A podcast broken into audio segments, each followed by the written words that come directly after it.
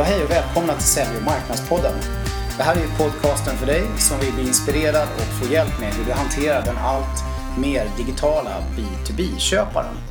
Ni som brukar lyssna på oss, ni vet att vi pratar mycket om eh, content marketing här. För att man ska lyckas med content marketing så är det ju precis som ordet låter. Att eh, det är content är väldigt viktigt för framgång. Det pratas väldigt mycket om olika typer av content. Eh, det är video, film och det är ljud och bilder och infografer och allt annat.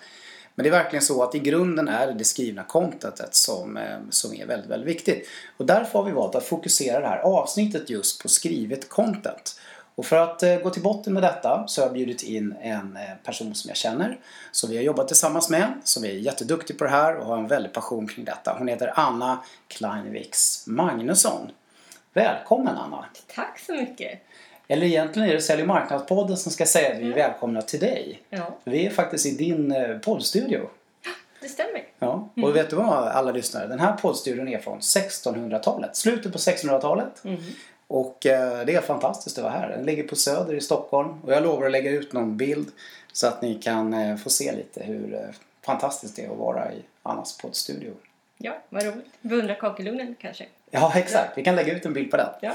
Du, eh, eh, jag tror lyssnarna är väldigt nyfikna på vem du är, Anna. Kan du berätta Ja. lite om det? Jag ska berätta väldigt kort att jag har en bakgrund som webbredaktör och copywriter och att jag numera driver två olika företag. Det ena heter Stockholms skrivbyrå som är helt fokuserat faktiskt på content i olika former för att vi är en frilansbyrå med drygt 350 frilansskribenter anslutna till oss. Och det andra är ett företag som heter Turbodistans som erbjuder eh, korta kurser på nätet inom kommunikation och marknadsföring. Härligt. Jättespännande. Ja. Eh, du, jag vet ju att du jobbar mycket med content marketing. Eh, Mm. framförallt fokuserar kring det här med, med det skrivna contentet. Men Ja. vad är din eh, erfarenhet kring det här med content marketing, Anna? Jag tycker att det är så spännande att det händer så mycket just nu och att vi är i en period när det liksom bara eh, rusar iväg och utvecklas åt olika håll. Eh, Det som är intressant tycker jag är att eh, företag idag ska vara medvetna om att då- deras köpare liksom verkar dygnet runt och att Mm. stora delar av köpprocessen sker utan att man har egentligen någonting att säga till om. Så det bästa man kan göra är att se till att man är väldigt eh, synlig på webben och att man har bra skrivet content där. Så att folk Exakt. hittar rätt. Eh, vad bra, ja. Eh, nej, men det är ju så att, att content marketing pratas det ju väldigt, väldigt mycket om. Mm. Det har blivit en väldigt viktig företeelse. Men det är fortfarande väldigt få som har, som har kommit igång med det ordentligt Mm. och jobbar med det strukturerat.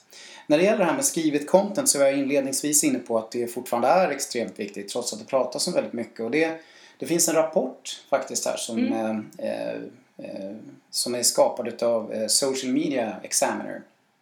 Eh, och eh, den här eh, rapporten den heter Social Media Marketing Industry Report 2014. De har gjort den här ett antal år i rad och är en, en, en väldigt intressant eh, rapport som, eh, som pratar rätt mycket om vad som händer inom den här världen.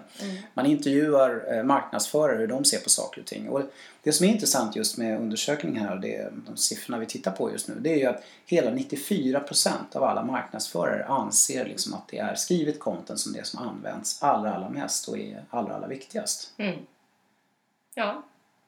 Jag tror att det är sant.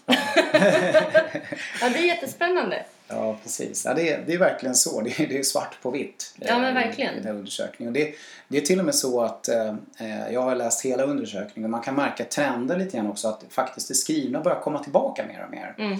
Eh, man har provat på en hel del nya företeelser och de är viktiga. Men det skrivna är trots allt liksom, eh, det viktigaste.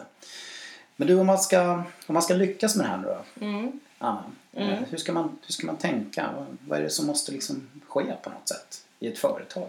Ja, alltså det som har hänt är ju att numera, eftersom skrivet content blir så viktigt, eh, så är det också någonting som alla måste hjälpas åt att skapa. Och det gör att eh, i stort sett alla idag publicerar text. För Ja. länge sedan var man ju tvungen att gå till en journalist och till en speciell byrå där man kunde få hjälp. Men nu ligger det öppet, alla syns i sociala medier, vissa bloggar. Eh, företagen kräver att man bidrar med texter för att eh, man ska kunna marknadsföra sig och, och ja, få ut det som, som kunderna behöver veta helt enkelt. Och det gäller ju allt från alltså de, som är, de som arbetar med kommunikation och skriven text men också ledare, eh, experter av olika slag. Alla, alla ska delta. Och då gäller det ju, vissa får skrivkamp och vissa tycker att det här är fruktansvärt. Och eh, det är inte alltid så lätt att eh, göra om sina djupa kunskaper till en lättfattlig och spännande text. Det där är väldigt intressant att du tar upp det här med de här djupa kunskaperna. För det, det är ju någonting som eh, det pratas mycket om i, i content marketing-svängen. Att det köparna verkligen vill åt, det köparna verkligen vill ha för att komma framåt på sin digitala köpresa är ju det här äkta, ärliga, djupa, eh, korrekta kunskapen många gånger. Eh, och det är de människorna man verkligen måste lyfta fram, eller hur? Ja, och det är ju... Man vill ha mycket information. Om man ska köpa en teknisk pryl eller en eh, eh, tekniskt bra uppbyggd gympasko liksom, så vill man ju veta vad det är som är så fantastiskt med den här produkten. Och en expert eh, kan ibland för mycket för att förstå hur man ska eh, liksom lyfta fram det här på bästa sätt. Och då kan det vara bra att ha en eh, copy eller en skribent av något slag som liksom översätter den här expertkunskapen till vanligt, eh, Mm. läsning för en vanlig person som sitter i soffan klockan halv tolv på natten med sin iPad i knät. Exakt, de kan vara vana att skriva i min erfarenhet många gånger men Mm. inte utifrån det här eh, syftet. Nej, Eh, Och inte i den här mängden heller kanske som behövs. Liksom. Och vi svenskar är ju ganska bra på det här i grunden. Att vi är bra på att uppfinna grejer och vi är duktiga och fantastiska på många sätt. Men vi är liksom sämre på att få ut det. Eller hur? Det sitter liksom i våra gener någonstans. Liksom. Ja, för precis. Det är också svårt att marknadsföra sig själv eller någonting. Så det är klart, Mm. är man väldigt stolt över något så kan man berätta för någon. Men vi, det, det, ja, skryt kan bli fel och vi är oftast ganska försiktiga och vill inte ens skryta. Så det kan också vara bra att ha någon som kommer utifrån och säger att det här är viktigt för kunden att veta, det här är intressant, det här eh, kommer att lyfta era affär helt enkelt. Exakt. Jag vet när, när du och jag har jobbat tillsammans en del här så pratar du ofta att man ska tänka lite som en tidningsredaktion. Eh, Mm. Det. kopplat till ja, marknadsorganisationer eller Mm. bolagets liksom, eh, marknadsorganisation. Kan du utveckla det lite? Absolut. Alltså när man arbetar med content så gäller det ju för det första att man har näsa för nyheter skulle jag säga. Kanske inom organisationen, det kan vara produktnyheter, det kan vara allt möjligt som ska ut och att man där känner sin kund väldigt, väldigt väl. Alltså vet vad kunden söker, lyckas hitta de ämnen som man ska prata om. Och sen gäller det att eh, ha tillgång till de som kan eh, berätta om, eh, alltså ge information. Alltså det är research kan man säga helt enkelt. Oavsett om det kommer utifrån eller om det kommer inifrån organisationen så måste man hämta in information. Och sen gäller det att sålla i allt det här för det kanske kommer för mycket. Vad är verkligen intressant för din målgrupp? Det här är ju tidningar historiskt sett extremt duktiga på. Nej eller men verkligen. Och sen ska man hitta vinkeln. För det är Ja. också det. Du kan inte trycka in tre, fyra budskap i en text. Utan en text, en vinkel. Och vinkeln är liksom vad det handlar om egentligen. Ja, och så skriver man på sina läsare och inte Ja. för någon annan, eller hur? Utan man är ju väldigt Absolut fokuserad. inte. Och strunta i internpolitiken på företaget. Det platsar inte här. Nej, det är köparna, är läsarna i fokus, köparen i fokus. Absolut. Och sen så vill man ha en, eh, en förstås bra text. Alltså det här ska ju resultera i en lättläst bra text som Mm. gärna har någon slags, som vi kallar call to action. Alltså när man har läst den här texten, vad händer då? Exakt. Då har man lyckats. Då har man jag. I alla lyckats. fall med en text. Ja, bra. Du, eh, du, det här med skrivet content då. Det är ju svart på vitt att marknadsföringen tycker det här är viktigt. Eh, Jag skulle dessutom vilja hävda, och jag jag vet att du och jag har diskuterat det här tidigare, att, att det skrivna contentet är liksom grunden till allt annat content. Mm.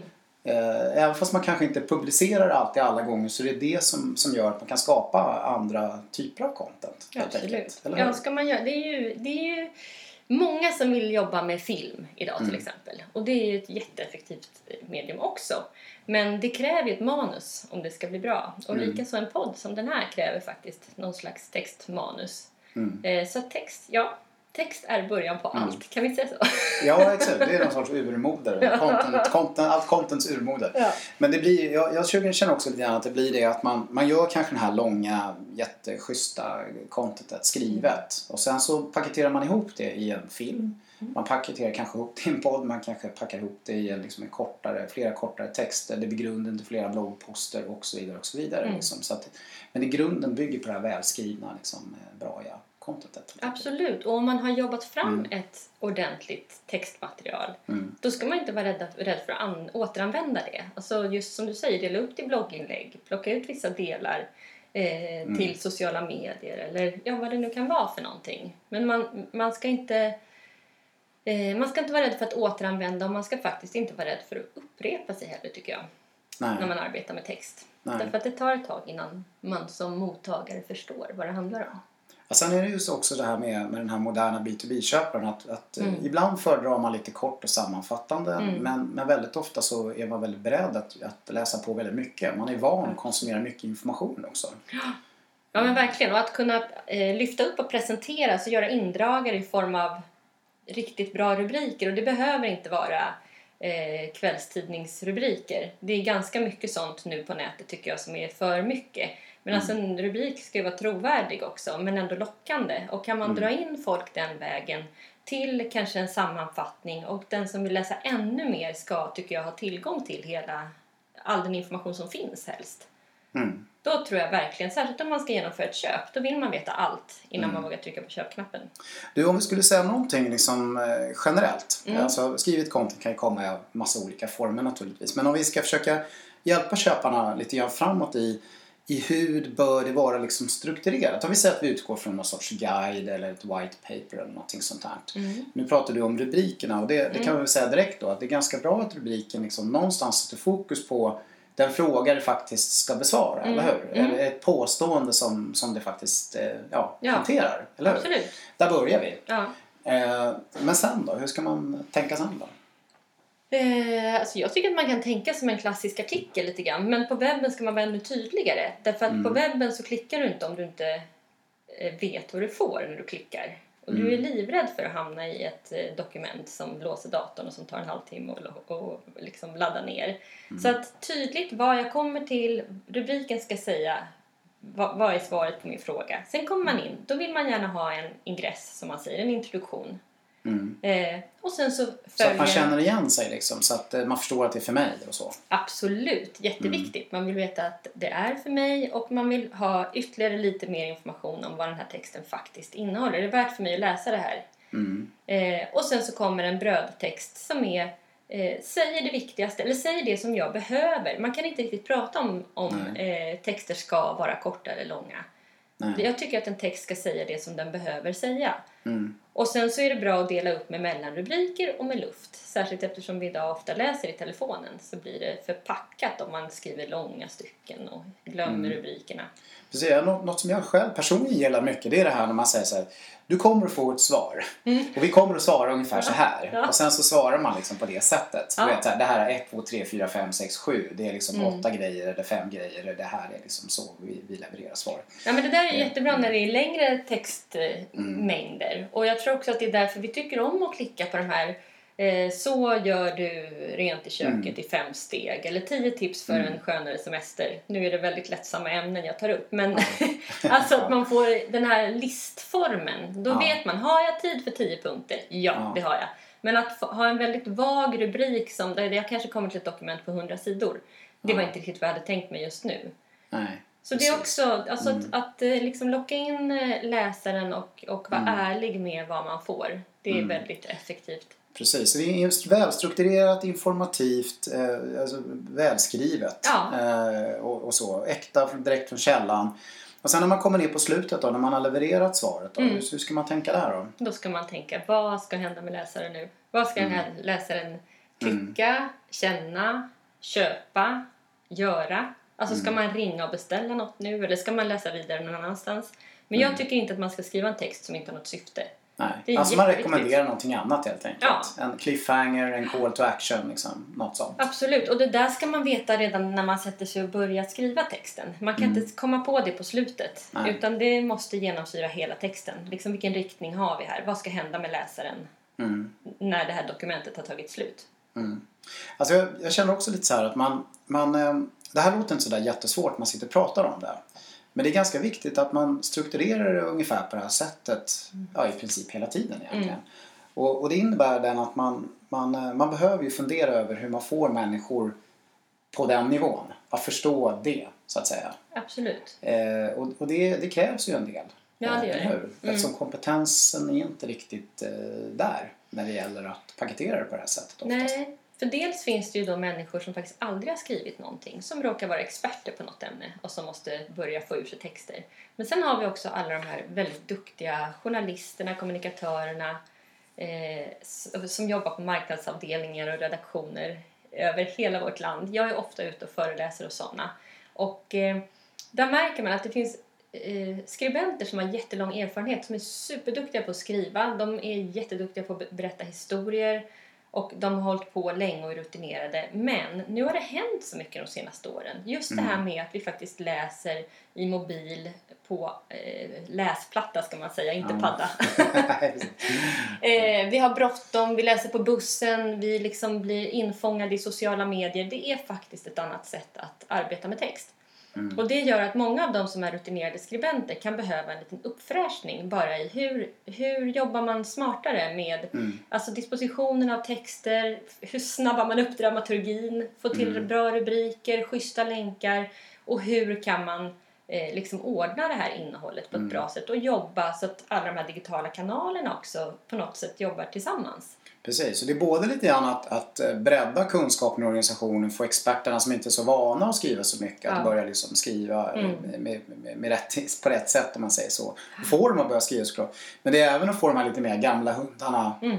hundarna att sitta så att säga. Att förstå att de nu ska skriva på ett visst sätt kopplat till den här digitala köparen helt enkelt. Absolut, Och- absolut. Och så. Mm. Och, så, och jag tror också att liksom, det kan man ju tycka vad man vill om, men tempot snabbas upp. Så det, Mm. vi har inte riktigt ro att läsa texter bara för läsandets skull. Nej. Där återkommer vi till det här. Man, alltså en text ska ju ha ett syfte. Vill, om någon ber mig läsa en text så vill jag förstå varför. Mm. Det räcker inte riktigt för mig att eh, liksom bara berätta en historia som li, lite flyter ut sådär. I alla fall inte om det är ett företag som är avsändaren. Jag vill liksom få något. Jag vill ha lärt mig någonting. Jag vill få tips om någonting. Mm. Och jag menar, det gäller ju naturligtvis för köparen i allra högsta grad men det är ju också extremt viktigt för företaget som skapar texterna för att det ska liksom leda framåt. Jag menar, någonstans så, Absolut. så Det är är det ju liksom business det Ja, ja ut absolut. på, så absolut. Men du, eh, du pratar lite om det här med, med att berätta en historia och så och jag, jag vet att det är många som känner sig lite ja, osäkra kring det där med, med att, eh, att det ska berätta en historia. Alltså, Mm. vad innebär det och hur ska man tänka där? Kan, kan du säga någonting om, om det? Anna? Kan du ge något, några grundtips lite? Är många som känner där att det är lite, så här, lite scary det där med storytelling eller Ja. historieberättande. Nej, men storytelling är ju väldigt eh, ett effektivt sätt att få ut eh, budskap och, och framförallt kanske att nå människor eh, rakt i hjärtat och det är ändå med hjärtat vi handlar. Alltså om Mm. man säger två företag som erbjuder exakt samma produkt till samma pris. Om det ena företaget är Mm. ett varmare och trevligare företag så kommer jag förmodligen att handla därifrån. Så jag tycker att storytelling är ett väldigt bra sätt att få ut lite mjukare värden som inte bara handlar om pris och leveranstid eller eh, vad det nu Mm. kan handla om. Ehm, och då kan man eh, skapa historier som kanske finns internt på företaget eller som på något sätt berättar, eh, eh, alltså ja, lyfter företagets värdeord eller hur man, hur man vill behandla sina kunder eller vad man, vad man brinner för eller varför man finns. Mm. Och de här historierna kan förpackas genom att man gör ganska korta historier som också kan berättas vidare. Det ska inte vara tvunget att liksom sitta kvar på ett papper utan man ska läsa det, komma ihåg det och berätta vidare. Det finns som en liten form av logisk handling som man kan liksom komma ihåg och återberätta ungefär när Exakt. man har hört det. Och det kan man ju lära sig, alltså den här klassiska historieberättelsedramaturgin. Ja. Alltså hur en historia, det ska ha en, en början och ett slut och så ska det vara spännande på mitten och så ska det, man nästan tro att nu, det här kommer inte gå vägen och så löser det sig. Och så kommer då är det perfekt. Ja, då kommer hjälten. och, och då kan man ju också krydda de här historierna med, eh, alltså undvika abstrakta ord, använda konkreta ord till exempel och använda, alltså fokusera på detaljer, kanske använda eh, dofter, färger, alltså prata om Mm. sånt som faktiskt pratar med våra känslor. Du, eh, vi pratade ju om det här med att, att det blir eh, det, det måste fungera i vardagen det här och det här med tidningsredaktioner och att många blir inblandade och allting och många behöver vara inblandade. Mm. Men, men när man jobbar med, man ska börja jobba med content marketing så är det ofta så att man, i min erfarenhet, att att man, man har en ganska stor brist på content. Mm. Eh, och man måste liksom sätta sig ner och liksom skapa content. Mm. Så att man har tillräckligt mycket för att man ska kunna komma igång och verkligen ha något som hjälper köparen på en köpresa. Så det blir lite sådär i projektform i början Mm. eh, på något sätt. Sen kommer man ju över i ett läge där det blir mer liksom en löpande grej man jobbar med i vardagen eh, Mm. och fyller på. Men om, om man skulle börja med att prata lite om det här med den här projektformen. Mm. Eh, vad, vad är det för, för utmaning man brukar springa på där? Hur ska man tänka? Man måste ju tänka från början, tyvärr. Höll jag säga. Man måste göra det här arbetet grundligt. Alltså fundera över vem är målgruppen? Har vi flera? Har vi en eller fem? Mm. Hur ska vi nå dem? Vad vill vi förmedla? Vad ska vi uppnå med det här? Och så får man börja liksom nästla sig ner och eh, välja några spår tror jag Ja. som man satsar på. Ja, man kan säga, ni, ni lyssnare som har hört på andra avsnitt, så här, det, det, det här är väldigt mycket det här vi brukar kalla för content-strategi. Man Mm. behöver ha den grundförståelsen först. Liksom. Mm. Mm. Och sen efter det då kan man ju börja fundera på vad som ska produceras rent eh, konkret i text. Alltså Mm. behöver vi några artiklar som vi kan sprida eller behöver vi ett white paper eller behöver vi några korta meningar Mm. till sociala medier. Och sen så får man leta upp då vilken person kanske som är bäst för att göra Mm. det här. Har vi någon internt som kan skriva det här? Har vi en expert som kan svara på frågor men det är någon annan som ska skriva? Eller behöver vi ta in hjälp utifrån för att få ner det här på papper? Just det, det blir en, någon form av contentplan helt Ja, enkelt. Eh, precis. Eh, Och jag, jag kan känna, min erfarenhet är att det brukar vara mycket, det finns en lång önskelista. Så prioriteringarna här är ju jätteviktiga såklart då. Och som vanligt så tror jag man måste Mm. sålla liksom. Man måste välja, man måste inse. Alltså, det- är ju roligare att göra en realistisk plan som man faktiskt genomför. För att det här Mm. kräver lite tålamod. Man kan inte slänga ut en artikel och tro att det ramlar in affärer. Utan det här är ju ett löpande arbete som måste genomföras. Mm. Och det måste genomföras ganska regelbundet också. Så att Mm. det inte är en sån här deadline som man bara skjuter på för att det kommer lite annat emellan. Utan det här är också väldigt viktigt om man ska jobba med content marketing. Ja precis, så är man med i det här projektet nu och får med och producera content initialt då har man ju mycket bättre grundförutsättningar att kunna vara med sen också, eller hur? För då har man ju fått liksom erfarenheten. Så det är ju en bra grej att tänka på, att man tar med sig de Absolut. människorna in i projektet som sen kanske behövs i nästa steg för att kunna få det här att lira eh, i vardagen sen. Eh, Eller i vardagen, det är väl vardag hela tiden. Men, men det är väl just det där också som är en del av problemet. Mm. De har sin vardag, de här producenterna, och de är, har sina vanliga arbetsuppgifter. Liksom. Mm. Hur ska man tänka där för att liksom hjälpa dem på traven? Ja, Jag har varit inblandad i så många projekt där Mm. det eh, snart ska komma texter från en av experterna. Mm. Men de här experterna, de har fullt upp med, eller experter, de, alltså det, det låter som en professor som sitter och Mm. funderar. Det är inte så, utan folk har liksom fullt upp. Och de eh, människor som sitter på den viktiga informationen brukar jag fråga om jag kan få intervjua istället.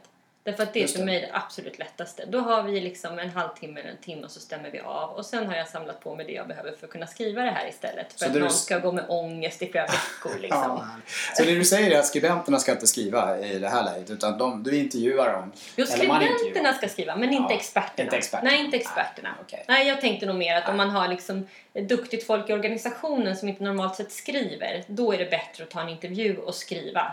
Ja. Det kan skribenterna internt på företaget göra, eller om man tar in någon. Det beror ju på Just hur man väljer att jobba. Just det, exakt. Mm. Eh, och, sen när man, när man har kommit över det där en del så, så, så kan de kanske komma in i, i att börja skriva mera som själva. Men det är klart, det är svårt allt det där när det är projektform och det ska levereras Mm. mot vissa givna datum och, och allt måste hänga ihop och det ska bli klart samtidigt och så. Eh, Så det är tufft. Det är tufft.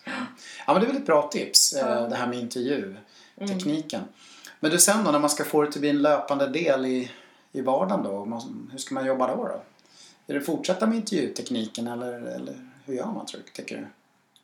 Jag tror man måste ha en som ett litet, eh, som en liten vi går tillbaka till redaktionen. Alltså man måste Mm. ha en plan. Man måste veta vem som ska göra vad. Man Mm. kanske har, om man är ett helt kommunikationsteam kanske man har olika ansvarsområden som man bevakar och där man liksom ja, skriver texter. Ehm, men jag tror det viktigaste är att man har eh, satt ner exakt vad, vilka enheter som ska produceras och Mm. vad de ska innehålla, vem de vänder sig till och vilket syfte de har.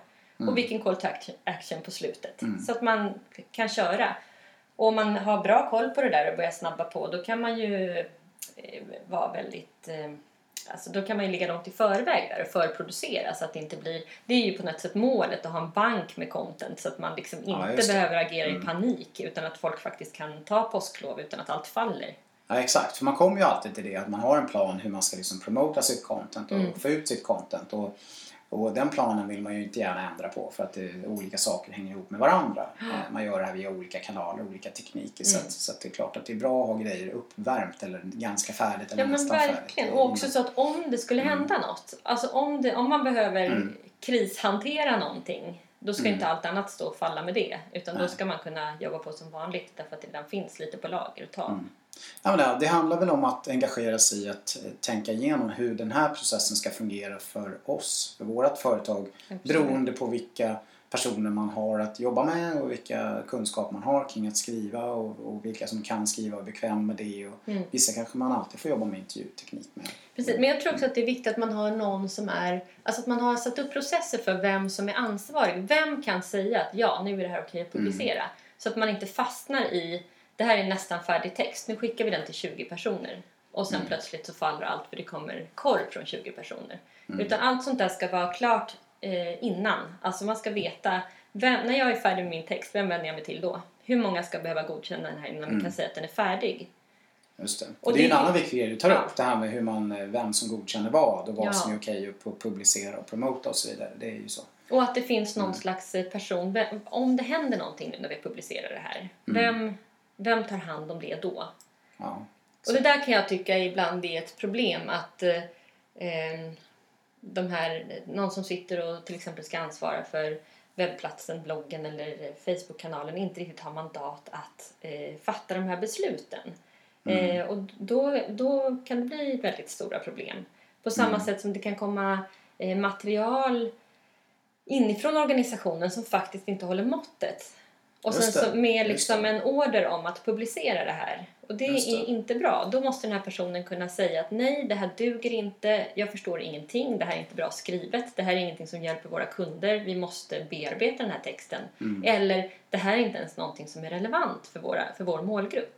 Nej. Och det är inte alltid den som sitter på den här publiceringsfunktionen faktiskt har modet att säga det till en högre Nej. chef som kommer och slänger ett papper Nej, på exakt. skrivbordet. Och det väldigt intressant det där du tar upp. Det här med relevant Mm. och att det hjälper våra köpare och att det är, passar för vår målgrupp och köparnas köpresa och såna här grejer. För att det där vet vi ju att det där är lite grann en kulturresa liksom. Mm. Det blir så lätt att man kommer tillbaka till det här gamla tänket med att eh, harpa ur sig sina unique selling points och att man är Mm. störst, bäst och vackrast i alla lägen. Liksom. Och framförallt de som är lite äldre på bolaget och har jobbat traditionellt med marknadsföring på det sättet i många, många år. Det kan vara svårt att få in det här eh, utifrån intänket om man säger så. Som är så viktigt när man jobbar med det här. Ja, för det är ju Mm. en annan jättestor risk att, man, att eh, det blir eh, alltså, Mm. hur man sitter placerad i huset eller hur avdelningarna fungerar internt. Att det på något sätt speglar det som eh, kommer ut ur företaget. Där Mm. måste man ju släppa all prestige på något sätt och, och sluta kivas internt och istället Mm. fundera på bara vad är kundernas bästa i det här. Exakt. Alla kan inte få synas och höras lika mycket. Du pratade lite grann om det här med att ta extern hjälp. Mm. Eh, eh, alltså det, det, enligt mig är det väldigt viktigt att ta extern hjälp i, i den här projektformen. Eh, och, och man kan också behöva ha liksom extern hjälp i det löpande. Framförallt tills man får allt det här att fungera. Eh, har du något tips hur man ska tänka om man ska ställa krav på en extern part som man skulle ta in, ta hjälp av? Vad, vad är det som är viktigt att tänka på då om man, om man ska köpa den typen av tjänster? Ja, nu är jag copy själv då, då. Men om jag tänker att jag skulle köpa in en copytjänst. Precis. Då skulle jag önska mig en copy som förstår min affär. Ja, just det. Som Förstår domänen liksom. Ja, Ja. Som, ja, men som förstår vad är, vad vill mina kunder uppnå Mm. och hur ska jag få dem att förstå att vi kan hjälpa till. Ungefär så. Mm. Sen ska man förstås kunna skriva bra om man är copy. Det är jätteviktigt. Eh, och man ska faktiskt ha lite skinn på näsan och våga säga till sin kund kanske att nej, det här tycker jag inte duger utan vi måste göra om eller jag tycker att ni ska tänka så här istället. Så att man får lite grann en coach också. Mm. Det är ganska drivande och har ganska mycket en, eh, ja, en fast hand i det hela. Liksom. Ja, och sen är Ja. det bra tror jag idag. Nu beror det ju helt på. Jag menar om man vet att man bara vill Mm. eh, producera ett magasin i pappersform så är det en sak. Men jag Mm. tror ändå att det idag är bra att anlita en copy som har lite Mm. digital kunskap och som har, liksom hänger med lite Ja, grann i i det här med den senaste. digitala världen. Ja, absolut. Ja, det är ju inte alla som är. Så det är, Nej, det är verkligen Nej. inte alla som är. Men jag Nej. tror att de som inte är det behöver bli. Om jag skulle lägga till en grej eh, så kan jag känna att det kan vara ganska viktigt att tänka till på det här med bilder och så. Eftersom det ju oftast behövs liksom, bilder i kombination med text. Att man har den erfarenheten och kanske ja, Absolut. till den fallenheten. Att, att se sånt och förstå sånt och veta Ja. hur man ska tänka. Jag som gammal webbredaktör tycker att det är lite härligt att webbredaktörerna får revansch här. För de har alltid setts lite grann som en andra klassens eh, liksom, eh, skribenter. Men idag är webbredaktörerna riktigt heta. En webbredaktör som har lärt sig lite copy-finess är ju en stjärna. Ja, det är roligt där. Det är ju många tidningar som har utmaningar. Mm. Eh, eh, gubevars. Men det är liksom någon sorts revolution för journalisten och tidningarnas hela grundprincip. Liksom, eh, överallt. Ja, det händer det väldigt spännande. mycket. De här rollerna liksom. Ja. Mm. Du, eh, ska vi ge lite, våra lyssnare lite handfasta tips här på slutet då? Mm. Eh, hur, ska man, hur ska man tänka nu då? Om vi ska försöka ge någon, någon bra guidance. Vad gör vi nu då? Ja, det första att tänka på det är ju vem man med sin content marketing vill nå. Vad, köpa. vad vill köparen ha helt enkelt? Och vad, hur, Mm. hur kan vi hjälpa till? Hur kan vi bjucka på någonting bra som blir trevligt att läsa och nyttigt för vår kund helt Som enkelt? hjälper dem helt Ja. enkelt. Ja, det är bra. Då börjar vi där. Då börjar vi där.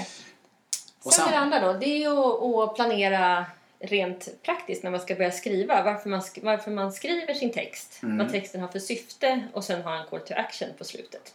Så den ska man ha klar innan man sätter igång med Rubriken. Och ja, precis, precis innan man sätter igång och skriver överhuvudtaget. Mm. Och sen då? Ja, då är det det här med att skriva. Vissa har ju verkligen skrivkramp på riktigt. Mm. Eh, jag har aldrig upplevt det, jag är så himla lycklig för det. Men jag tror att det kan bero på att när jag börjar skriva en text så börjar jag sällan från start. Utan jag börjar där det känns som att det här vill jag berätta om. Så jag kanske börjar skriva texten från mitten egentligen. Ja, ja. Och, och sen så är det ganska Du börjar med snart. svaret någonstans. Ja, jag kanske börjar med Ja, svaret. Jag ja. kanske börjar med det som jag vet att det här måste vi ha med. Och sen Mm. bygger jag texten. Jag menar, vi sitter ju inte på skrivmaskin utan på dator så man kan ju flytta runt text. Mm. Eh, och rubriken sätter jag alltid allra, allra sist. Mm.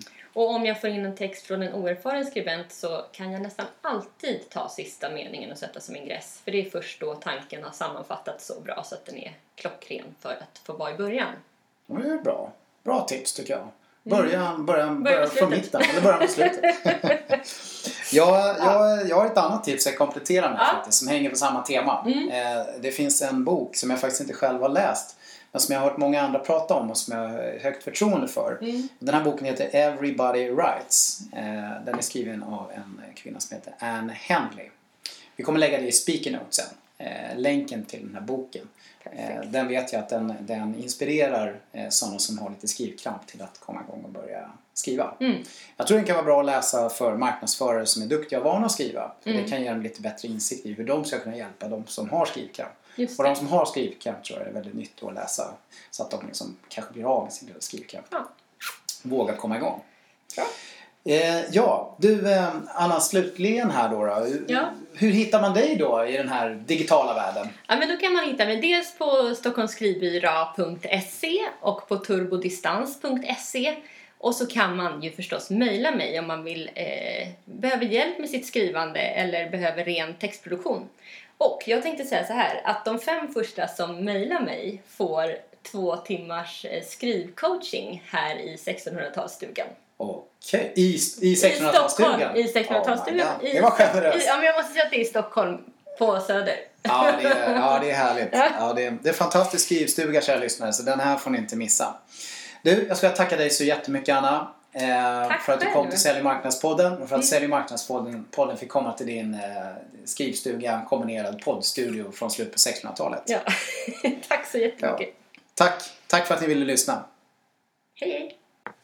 Sälj marknadspodden får tacka Anna för att hon var med och ställde upp och eh, förmedlade lite grann sina kunskaper och erfarenheter runt skrivet content. Det var supertrevligt att få komma och spela in podcast i hennes fina poddstudio i de anrika lokalerna på slutet på 1600-talet på Söder i Stockholm. Vill ni komma i kontakt med Anna hittar ni mer information på www.businessreflex.se under podcast och dagens avsnitt. Eh, hennes mejladress så att ni kan mejla henne och få hennes generösa erbjudande om eh, två timmars gratis hjälp kring eh, skrivet content. Där hittar ni också länken till våran bokrekommendation, vårt boktips. Eh, lycka till! Ha en bra dag och framförallt var relevanta där ute.